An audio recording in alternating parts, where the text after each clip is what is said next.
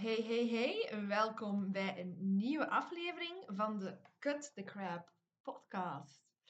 Ehm, de laatste tijd zijn er niet zoveel podcasts geweest, omdat ik een beetje geblokkeerd zit in mijn creativiteit. Ehm, ik ga de laatste tijd zelf door wat struggles en ik zit in het gevecht tussen weten en voelen ik weet dat wat ik graag wil bereiken, dat dat mogelijk is. Want anderen hebben het al voor mij gedaan. En, maar ja, ik voel me eigenlijk juist vaak alsof dat, dat niet kan. Ik ervaar het imposter syndrome. Ik zal in mijn eigen woorden proberen uitleggen wat dat juist inhoudt. Imposter syndrome is een knagend gevoel dat je een bedrieger bent. Ik weet dat dat niet zo is, maar ik voel mij wel zo. Bij dit bedriegersyndroom heb je het constante gevoel dat je door de mand zult vallen. Ik bekijk het eigenlijk een beetje als een mannetje dat in je hoofd zit, dat aangestuurd wordt door je onzekerheid. Je hoort dat mannetje regelmatig praten. Het vertelt u dat je niet goed genoeg bent, dat je niet genoeg kennis hebt, dat je het niet waard bent om je dromen achterna te gaan en dat wanneer je het toch doet, je sowieso zult falen. En dat al deze dingen binnenkort ontdekt zullen worden door de hele wereld. Ik heb daarbij dan de angst dat bijvoorbeeld daardoor niemand nog bij mij in begeleiding zal willen komen. Dat mannetje zorgt er bij mij voor dat ik niet meer in staat ben om mijn talenten en capaciteit te zien voor wat ze echt zijn. Met de nadruk op dat ze echt zijn. Ze zijn er nog steeds, ook al zie ik ze nu even niet. Het onzekerheidsmonster maakt ze bang, waardoor ze verstoppertje aan het spelen zijn. Het is dus aan mij om in gesprek te gaan met dat monstertje. Want zoals alle monsters in mijn brein hebben die een functie. Ik heb al ontdekt dat wanneer er een bepaald copingmechanisme naar voren komt, ze me eigenlijk willen beschermen van iets. Mijn overlevingssysteem heeft bepaald dat dat niet veilig is. Wij hebben nog bepaalde systemen vanuit de oertijd in ons brein zitten, ehm, die gemaakt zijn om ons te beschermen. Om in te schatten wanneer iets gevaarlijk is. En deze kunnen echt heel nuttig zijn wanneer wij bijvoorbeeld achtervolgd worden door een leeuw, wanneer er iets in brand staat, wanneer we eigenlijk snel moeten reageren op iets in onze omgeving dat gevaarlijk is voor ons. Dus eigenlijk wanneer we snel moeten reageren op gevaar. Maar mijn brein ziet onbekende dingen vaak als gevaar. En dat is heel eigen aan mijn hoogsensitieve brein. Als HSP'er is uw overlevingssysteem sterk ontwikkeld en veel alerter. Dus de kans dat dit systeem bij mij in werking treedt, is eigenlijk best groot.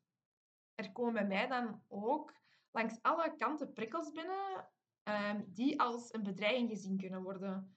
Want er is geen filter. Dus alles is belangrijk en alles kan dus ook gevaarlijk zijn. Maar ik kan gaan communiceren dat het wel veilig is. Waar ik mezelf aan moet herinneren momenteel is eigenlijk wat is de onderliggende boodschap van dit monster? Dus met andere woorden, wat probeert dat monster mij eigenlijk te vertellen? Het imposter syndroom treedt eigenlijk in werking om me te beschermen. En dat klinkt een beetje raar, omdat ja, het blokkeert u en het houdt u eigenlijk wel weg van uw dromen en van hetgeen je wilt bereiken. Maar tegelijkertijd zijn uw dromen heel beangstigend, met als gevolg dat dat overlevingssysteem in werking treedt. Het gesprek dat je dus eigenlijk kunt aangaan en ook kunt gaan voelen, is wat zijn die onderliggende intenties van dat monster?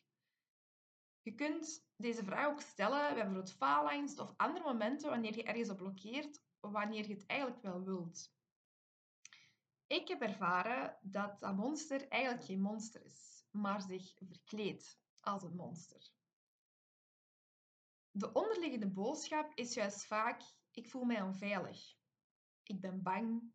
Ik wil u beschermen. En eens je weet wat de onderliggende boodschap is van dat monster, kunt jij dat monster zelf een boodschap gaan geven. Ik kan dan luidop zeggen: Dag onzekerheid. Ik heb u gehoord.